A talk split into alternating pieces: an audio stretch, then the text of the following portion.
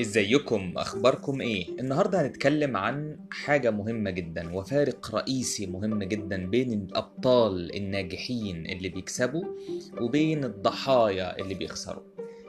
الفارق ده اسمه طريقة التفكير ال mindset العقلية. كيف تفكر؟ عندنا نوعين من العقليات. عقلية دايما بتتكلم عن الفرص اسمها العقلية الباحثة عن الفرص.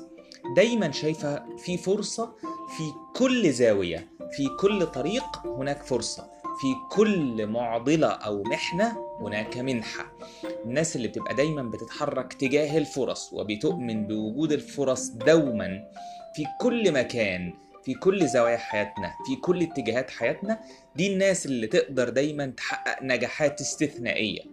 العقلية التانية العقلية الخاسرة اسمها العقلية الباحثة عن الأعذار. العقلية الباحثة عن الأعذار. دول الناس اللي دايما بيلاقوا في كل طريق 100 عذر مليون شماعة يعلقوا عليها فشلهم أو يعلقوا عليها عدم محاولتهم.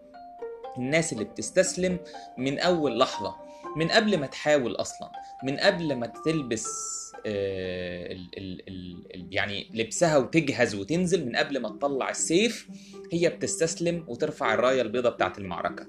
دول الناس اللي بيختاروا دايما يكونوا ضحايا وبيخسروا دايما دايما المعركة. واحدة من أفضل المقولات في المجال ده. بعتبرها واحدة من أهم المقولات في المجال ده. مقولة ريتشارد برانسون مؤسس Virgin المشهور بيقول فيها إذا أتيحت لك فرصة عمل رائعة ولم تكن واثقا من قدرتك على أدائها فاقبل تلك الفرصة ثم تعلم كيفية أدائها لاحقا. وبالتالي ما تضيعش الفرصة أبدا.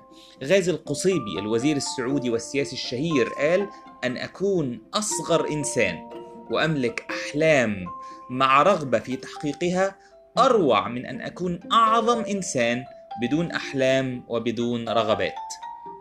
روبن شارما قال كمان آه في كل يوم سوف تفتح لك الحياة نوافذ صغيرة من الفرص. الطريقة التي تستجيب بها لهذه الفرص هي التي ستحدد مصيرك في النهاية. دلوقتي فرصتنا إن إحنا نختار بين هل إحنا عايزين نبقى ناجحين وأبطال ولا عايزين نكون ضحايا خاسرين. اسمي محمد إبراهيم. البودكاست ده معمول علشان يساعدنا إن إحنا نختار هل عايزين نعيش الحياة البطولية الرائعة الاستثنائية ونختار العقلية الباحثة عن الفرص أم عايزين نعيش الحياة الخاسرة الضائعة التائهة الضعيفة التي آه، تستمد هذه الحياة من العقلية الباحثة عن الشماعات والأعذار. شكرا جزيلا.